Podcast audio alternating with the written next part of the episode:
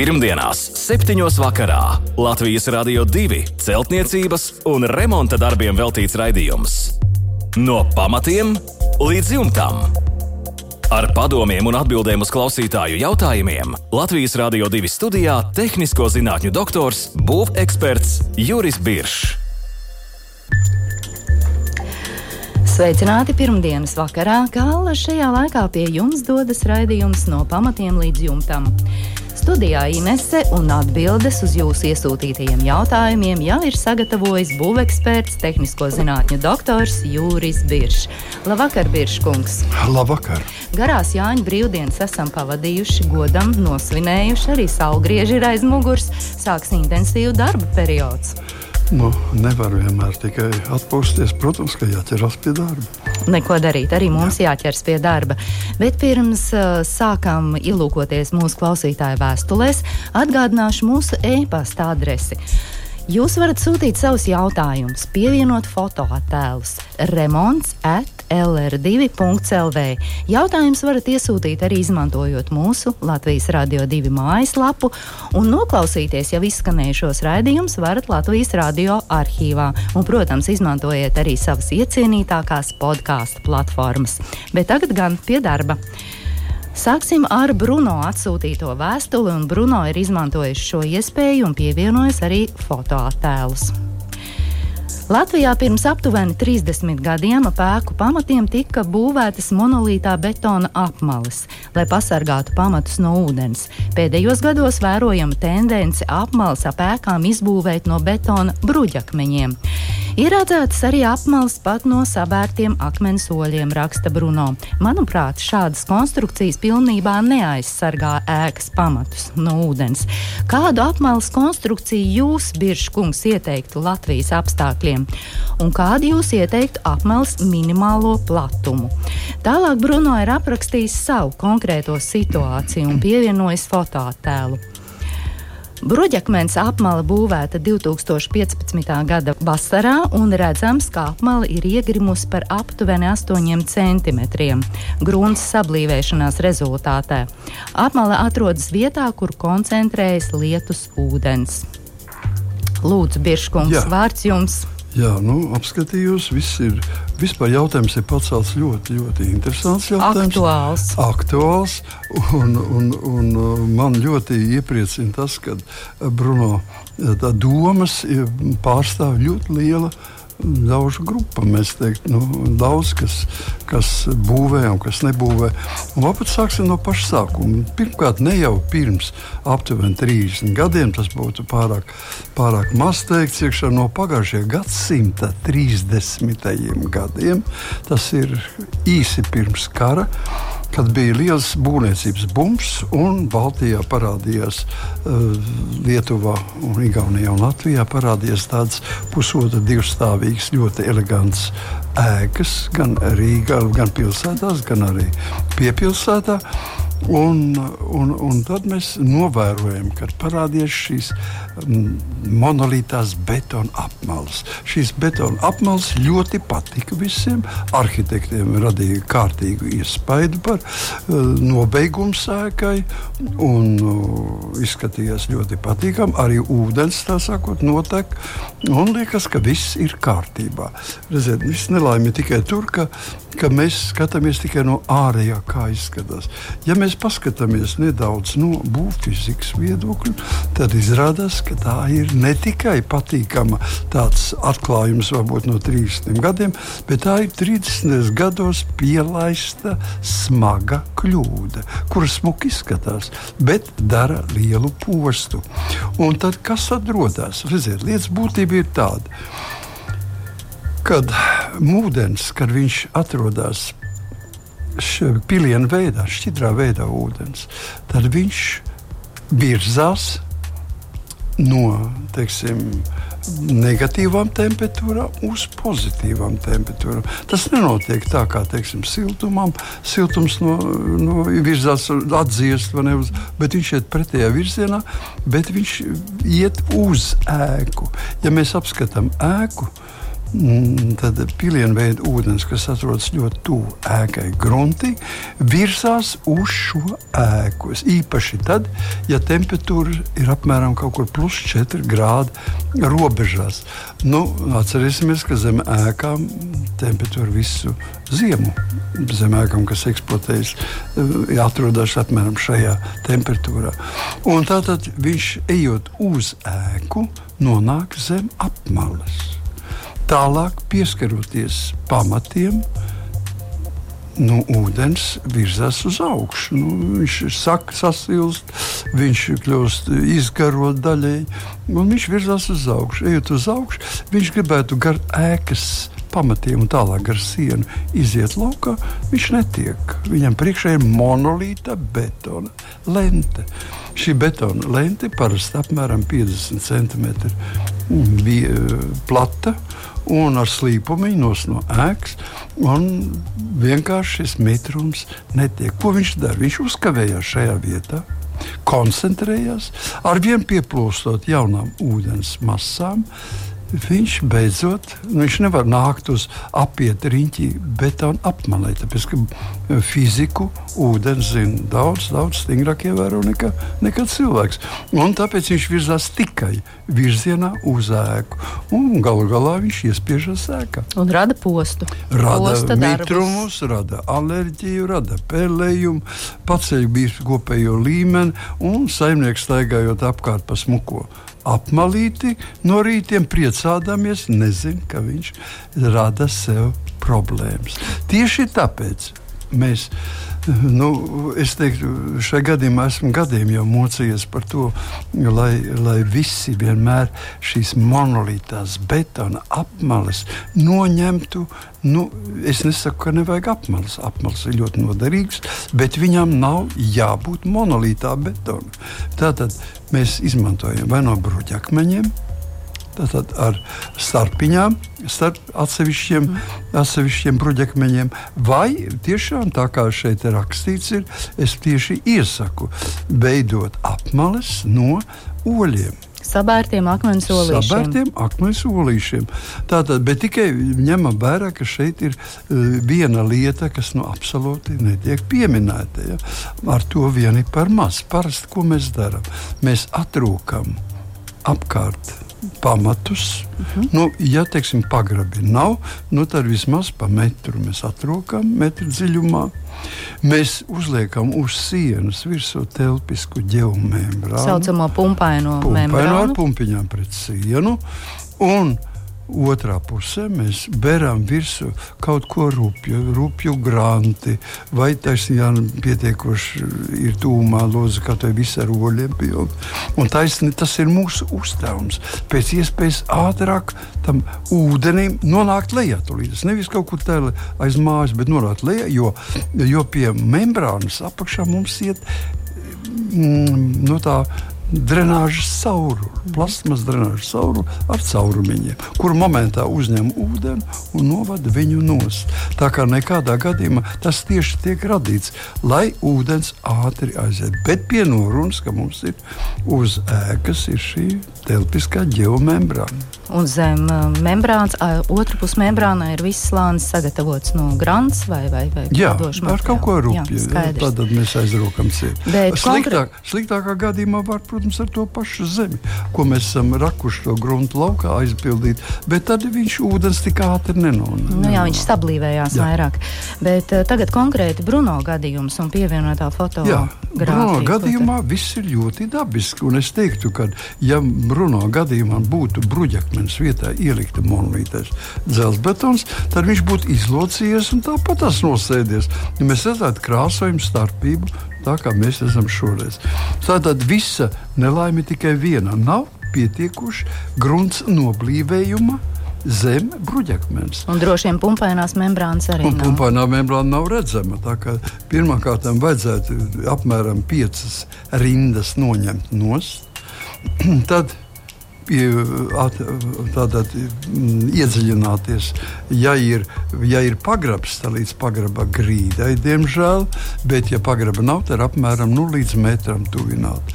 Un tur mēs veidojam drenāžu caurumu, pie sienas klāta membrāna aizberam ar kaut ko rupju, kur ātri ūdens filtrējas. Aizrūkam ciet. Viss kārtībā. Jā. Paldies par atbildi, Bruno. Nākamā vēstule mums ir no Kristīnas. Un Kristīna raksta, pašu spēkiem ar vīru vēlamies nosiltināt vairāk kā simts gadus vecu guļbūvi no ārpuses, jo vietām baļķi ir trupējuši un tiek mainīti pret jauniem. Ārsienas biezums ir 16-17 cm un plānots siltināt ir šādi. Virs baļķa akmens vate 10 cm, tad pretvēja plēve, tad puscentimetra plānu līstīti vertikāli, lai būtu ventilācija un virspusē augstā temperatūrā apstrādāti apdares dēļi. Vai šāda darbu secība ir pareiza? Logi būs ēkai plastikāte un apkure plānota centrālā ar siltajām grīdām. Šis ir pirmais Kristīnas jautājums. Jā, nu, tas sakot, ļoti, ļoti ierasts ikdienas jautājums. Es teiktu uzreiz, ka veca guļbūve ārsienas biezums 16, 17 centimetri maz. ir ļoti maz. Ļoti maz. Es pat teiktu, ka mm, Kristīnai ieteiktu nevis 10 centimetri, bet vismaz 15 centimetri mm. atļauties akmens vati.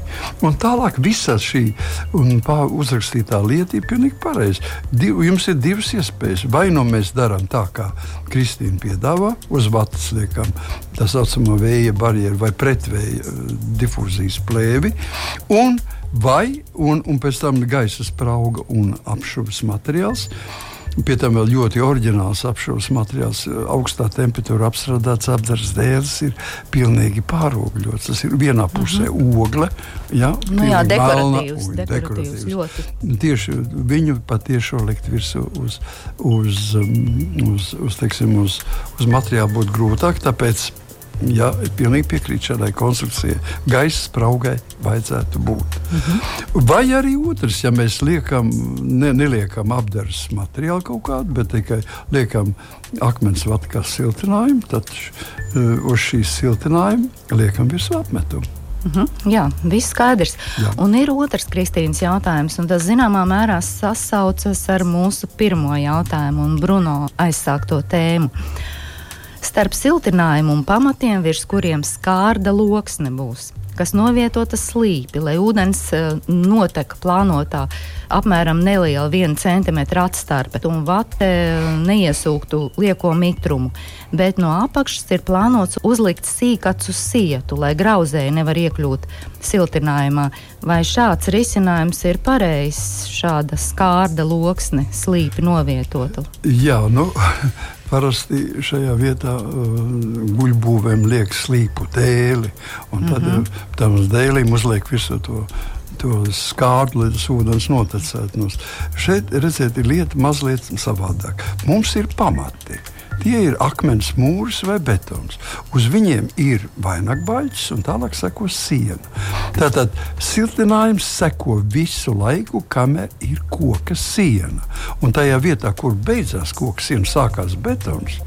Tur ir horizontālā hidroizolācija, un šajā vietā, lai nevajadzētu darīt visu to, ko Kristīna grib mēģināt darīt, vienmēr pies, piestiprina tā saucamo cokolīsti.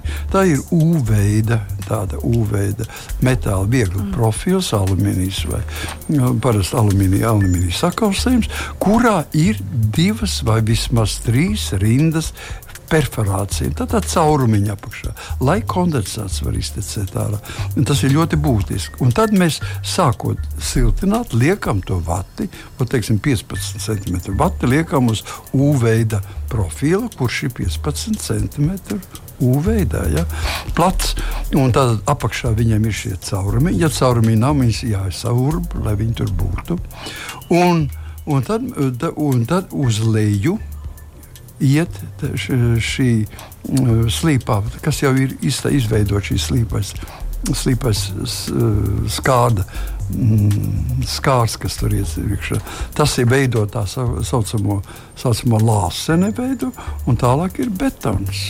Jā, un arī šajā konstrukcijā nekāda grauzēja tur, tur vairāk netiek. netiek iekšā, jo viss apakš ir nosakta ar, metālu, ar perforētu metālu profilu. Jā, paldies par atbildi Kristīnai. Pirmdienās, 7. vakarā Latvijas Rādio 2 celtniecības un remonta darbiem veltīts raidījums. No pamatiem līdz jumtam. Ar padomiem un atbildēm uz klausītāju jautājumiem Latvijas Rādio 2 studijā - tehnisko zinātņu doktors, būveksperts Juris Biršs. Un turpinām ar Elīnas iesūtīto jautājumu. Mājā ir piebūve, kas mūrēta no divām kārtām ķieģeļu. Ziemā ir vēsi, plānojam tajā ierīkot vannas istabu. Vai ir kādi materiāli, ar ko varētu siltināt no iekšpuses šo piebūvi? Ja tas nav iespējams, tad Elīna ir gatava arī siltināt no ārpuses. Cik biezu siltinājumu jāveido? Arī šāds ir jautājums. Un kāda ir darbu secība? Jā, jautājums ir vietā. Es to bieži esmu novērojis, kad ienākot teiksim, no siltām istabām, ienākot vannas istabā, un pēkšņi nu, tāda temperatūra ir. Nav komfortabla. Nav komfortabla, ir mitrs, un tā negribas nemaz ķerties no kamēr, nu, kamēr, kamēr, kamēr iesilst. Un tas nedrīkst būt. Tā nedrīkst būt. Tātad, lai tas tā nebūtu, protams, ka ir jāsiltina. Un pie tam vēl divi kārtas ķieģeļi. Divas kārtas ķieģeļi tas ir 25 plus 25 maz, maz. plus šuvīte, nu pāri 52 kaut kur centimetri aptuveni. Tas e, gan drīz ir normatīvs, bet priekš vansisabs tas ir par maz. Tātad siltinājums ir vajadzīgs obligāti, un šajā gadījumā siltināt no ārpuses nu, galīgi nedrīkst. Tāpēc, kad nu, gaidīt, kamēr šī ķieģeļa siena sasils un dos kaut kādu labumu, tas ir, tas ir garām. Tāpēc mēs siltinām obligāti no iekšpuses. Un šeit ir divi varianti. Ja mēs pielietojam šo vannas istabu vai toaletu vai kādu citu mitro telpu, ļoti reti lietojam, nu, teiksim, nedēļā reizi, divas, ne vairāk. Tā, nu, nu, nu, teiksim, tā, es nesaku nomazgāt tikai mutu, bet nu, tā iziet mitrāku procesu, ilgāku. Ja? Tad mēs varam siltināt šos, tikai šo daļu, kas ir norobežojusi ar vannas istabu. Siltinam ar ekstrudētu putu polistirolu, teiksim, 5 cm biezumā. Un mēs varam, viņš ļoti niecīgi laiž mitrumu cauri. Mēs uz viņu veidojam apšuvumu ar ģipsi vai ar kādu citu materiālu, un ar to ir pietiekoši. Ja mums šī, šī teiksim, mēs zinām, ka katru dienu mēs liksim tur siltu ūdeni un, un, un iztvaikojumus daudz, daudz biežāk, tad mēs atgriežamies pie tā, ko mēs bieži jau esam teikuši. Mēs veidojam dubultu sienu. Tātad no ķieģeļa sienas atejam 5 cm nost, veidojam jaunu no viegliem, viegli metāla profiliem, kuriem stiprinā reģips, veidojam sienu, kas atdala mūs no esošās sienas, un uz šīs jaunizveidotās sienas veidojam, nu, teiksim, ārpusē tātad ir šī siltumizolācija, un tad ir flīzes vienkārši. Kas ir frīzēts no istabas puses. Un šāda konstrukcija mēs pieslēdzam to to brīvo ventilējumu starpu starp ārsienu un starp jauno sienu piesācām pie ventilatora ar mitrumu sensoru. Nu, ot, lūk, tādā veidā mēs varam, varam kaut ko darīt, bet jebkurā gadījumā mums ir jāiet vannas sistēmā un jāizjūt komforts. Tad viss ir pareizi. Un to arī Elīnai novēlam. Jā, un tāpēc es domāju, ka uh, jūsu gadījumā tas siltumizolācija ir tiešām niecīgi vajadzīga. Vairāk kā 5 centimetri tur. Bet mm, materiāls, kas mm, sakot, nu, nelaiž cauri daudz ūdeni. Tātad ekstrudētais putu polstīrols. Jā, paldies par atbildi. Jautā klausītājs. Un nākamais klausītājs ir Mārtiņš un atsūtījis šādu vēstuli. Padomi laika gāzbetona māja, PVC logi, griestu pīrāgs ir šāds no iekšpuses. 2 cm restots koka skalu apmetums, 2 cm dēlis, 3 cm gaisa sprauga, 3 cm dēlis, 3 cm padomi laika stikla vati un noslēgumā 5 cm izdeģi. Sijas ir 20 cm biezas, bēniņi neapdzīvoti, un Mārtiņš vēlas likt reģipša griestus, nosiltināt no iekšpuses puses, un kāds būtu vēlamais pīrāgs, vai izvākt stikla vati un izdeģus bēniņos un iebērt kādu bēramo siltinājumu, jautā Mārtiņš, un cik biezs slānis būtu nepieciešams. Nu, es atbildētu sekojoši, ka vecām mājām, tātad, nu, tā ir vēl padomu laika māja, nevajadzētu neko aiztikt. Īpaši šajā zonā starp sijām, kas atrodas. Tur jūs varat atrast gan uh, teiksim, asbestā, dažādas izstrādājumus, un, un vatas, un, un stikla vatas. Nodarīt sev kaitējumu. Jā, mēs varam tik vairāk kaitējumu izdarīt.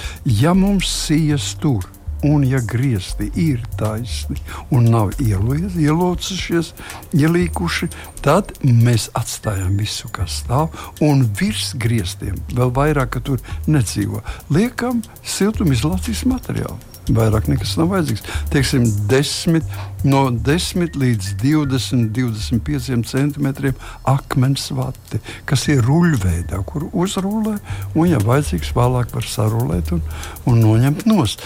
Tātad mēs liekam tikai to virsmu. Vairāk nekas, ja no apakšpuses siltināt, ir, nav racionāli šajā gadījumā. Šajā gadījumā ļoti racionāli ir, jo šeit ir jau spraugā, ir tā saucamā melno grieztu konstrukciju. Mārtiņš jau viss skaisti ir aprakstījis. Un šeit nekādas plēres, nekas nav jāveido. Tātad augšā teiksim, 20 cm akmens vati un viss. Jā, bet uz tiem restotiem koku skaliņiem rīģipsi. Kā stiprināt? Viņam ir doma rīģips veidot, rīģips griestus. Ne, viņiem jau divi centimetri restots koka skalu apmetums. Ja? Jā, tad jā. nāk divi centimetri dēlis. Ah, tad tad pie tā var droši stiprināt. Droši var kārtībā. Tas jau ir tas galvenais. Mm -hmm. Jā, paldies par atbildi Mārtiņam. Kaspars mums raksta. Pirms gada iegādājos lauku māju. Pagalmā ir raka, no kuras uz māju ir ievilkts ūdensvats. Blakus akai ir izbotanēta viens reizes viens metrs, reizes pusotrs metrs betona bedre kurā atrodas hidrofors, kas apgādā māju ar ūdeni. Un pienākot pavasarim, rudenim šajā bedrē ir aptuveni 30 cm ūdens. Nu, visdrīzāk tie ir gruntsūdeņi. Un Kaspars vēlējās aprakt ārpusi betonēto bedri apstrādāt ar hidroizolāciju, bet tas ir ļoti sarežģīti, jo blakus uzreiz ir akas grots un arī sabērti gru, būvgruži. Un Kaspars jautā, ar ko varētu šo problēmu risināt, novērst, un varbūt var no iekšpuses apstrādāt. Un tas būtu tāds kā pagaidu risinājums un ar laiku veidot jaunu bedri. Jā, nu, tas ir tāda uh, ikdienas, mēs teiktu, būvnieciskā situācija, nu, kuras jāiziet. Bet šeit ir, redziet, padoms, speciālists padoms ir pilnīgi nepieciešams. Tāpēc es pilnīgi piekrītu, ka šādu izbetonētu bedri atrakt no ārpuses ir tiešām sarežģīti un kaut ko tikt klāt gan no apakšpuses, gan no sāniem. Tas ir eh, praktiski pat neizdomājams, grūti paveicams darbs. Tāpēc, ko mēs darām? Mēs darām visu no iekšpuses. Tajā brīdī, kad mēs izlaižam ūdeni no šīs hidroenerģijas, teiksim, tur uzkrājies ūdens, izsūknējam to ūdeni ārā, bet tikai tad, kad tas ūdens tur ir. Tad man ir vajadzīgs slapjš betons.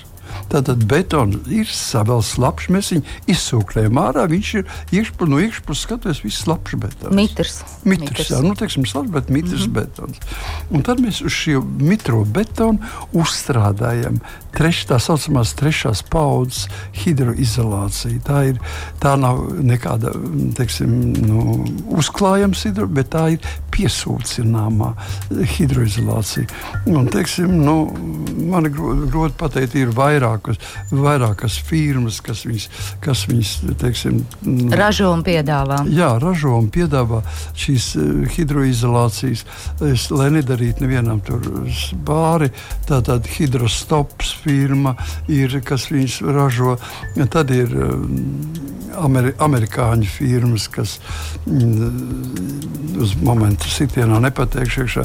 Un mūsu paša Latvijas, latviešu firma ir, kas ražo teiksim, tādu izstrādājumu kā hidrostop HL110. Nu, katrā ziņā ir no kā izvēlēties. Jā, ir ko izvēlēties. Katrā gadījumā tas ir piesūcinošā hidroizolācija. Tātad uzklājam, sagatavojam šo materiālu. Materiāls ir parasti no nu, tādās jau samaisīts ar smiltiņām kopā, tāda kā javiņa. Ja? Un ja mēs uzklājam vienu apmēram, ja mēs uzklājam visu teiksim, nu, 10, 12 mm biezā kārtā uzklājuma virsū, tad mēs varam iegūt pat 7, 6, 7 atmosfēru lielu necaurlaidību. Bet mums tik liela nav vajadzīga, tāpēc mēs uzklājam kaut kur 2, 3 mm biezā kārtiņā uz mitras betona. Pēc tam kas notiek? Šajā mitrajā betonā iesūcās puķīmija, un šie sastāvi ir ārkārtīgi piesātināti ar puķīmijas produktiem. Viņi, un ūdens kalpo kā taksīts. Viņš uh, transportē šos jonus. Tie joni iespiežas tik tālu, cik ir samitrināts. Ar to pilnīgi pietiekuši. Un tālāk viņi veido ūdeni nešķīstošs kalcija hidrosilikāts, kas neļauj ūdenim aiziet. Tātad šī ir metode, ar kuru mēs ārstējam teiksim, baseins, dažādas citas baseinas. Šajā gadījumā arī šo betona bedri. Es ieteiktu to darīt, jo mm, pēc tam, jo, jā, vienīgais, kas ir, viņš nevajag domāt, ka momentā, tiklīdz kā jūs to izdarīt, viss būs saprātīgi. Viņš apmēram pēc nedēļas būs jau gatavs. Un jo ilgāks laiks paies, jo stiprāk būs ūdens necaurlaidība. Tātad rēķinām pēc nedēļas viss jau ir sas, sasniegts. Jā, paldies par atbildi Kasparam un noslēgumā Rudītas vēstuli un pievienotie fotoattēli. Rudīta raksta, vēlos atjaunot senas mājas ārpus. Māja ir celta 1928. gadā. Vai būtu pareizi noņemt papi, uz esošās koka virsmas likt vēja plēvi, akmens vati, latiņas un tad divus centimetrus biezus spundētos dēļus? Pašlaik mājā vasarā ir vēss, ziemā silts.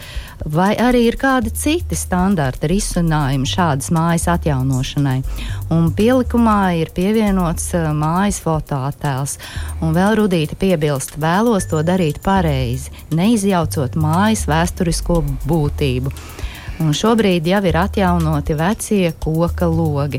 Ļoti simpātiska tāda miniatūra pasaku mājiņa, pat gribētos teikt, ar savu auru. Jā, pat foto, fototēlā jūtam. Ļoti, ļoti simpātiska mājiņa. Tāda maza liekas, un nezinu, mēs nezinām, cik viņi tur garu stiepjas, bet nu, pietiekoši var, koka mājiņa. Bet darba ir, daudz. Redz, darba daudz. Tāpēc, ka mājiņai jau ir pietiekoši daudz gadu. Teiksim, ļoti labi, ka jau uzlikts ir jumts, ir skārti jumts uzlikts, un, un uz falsi, kas ir ļoti labi. Bet skatoties uz ēkas sienu, jā, redzam, ka viens paks vēl ir. Nav noņemta, tas ir pape. pape nav noņemta. Tas nozīmē, ka kādu reizi, acīm redzot, saimnieks ir gribējis aplikt ar papu, un pēc tam gribējis droši vien aplikt ar ķieģeļiem šo apšūt šo māju. Parasti tā darīja ar vienu. Bet nu, kaut kas ir izmaisījis, kaut kas nav darījis, vai arī teiksim, tie ķieģeļi jau noņemti. Un tā nu ir tā situācija. Tātad, ko mēs gribētu mainīt? Rudītē jāsaprot, ka šī pape neaizvieto vēja plēvi. Nekādā gadījumā pie mums ir drīzāk ir hidroizolācija kā, kā vēja plēve. Tāpēc nekāda uz koka notīram visu nost. Lai koks būtu tīrs, brīvs, elpojošs, un uz viņa klājam virsū vati uzreiz, bez nekādas plēves. Mēs liekam akmens vati, un akmens vati nu, šādā mājiņā nevajadzētu žēlot. Kā minimums tas ir 10, 15 centimetri vati, un tagad uz vates gan liekam virsū mm, vēja plēvi vai tā saucamā difūzijas plēve, kas, kas no, no ārpuses neko nelaiž iekšā, no iekšpuses, no matas puses viņa laiž mitrumu atpakaļ. Nu, tad ir jā, tā, tā, tālāk ies uz šīs vatas. Tātad, kā jau teicu, veiplēm tālāk ies, ies latiņas, kas uh, vertikālās, ja, kas, kas radīs mums divu centimetru atstarpīti. Uh, Tas būtu ļoti vēlams, ka viņi veidojas. Un pēc tam divi centimetri ir nu, solīgos, biezos spundētos. Tie nav biezie spundētie dēļ, tie vienkārši dēļi. Ja būtu biezie, tad būtu 4 centimetri. Mm -hmm. ja? Bet tur tiešām neko biezāk arī nevajag. Tad viss ir pareizi. Paldies par atbildi Rudītei. Novēlam atjaunot mājas vēsturisko būtību un brīnišķīgo auru. Līdz ar to šovakar mūsu raidījums tuvojas izskaņai. Vēlreiz atgādināšu mūsu e-pasta adresi remonds at lr2.lv.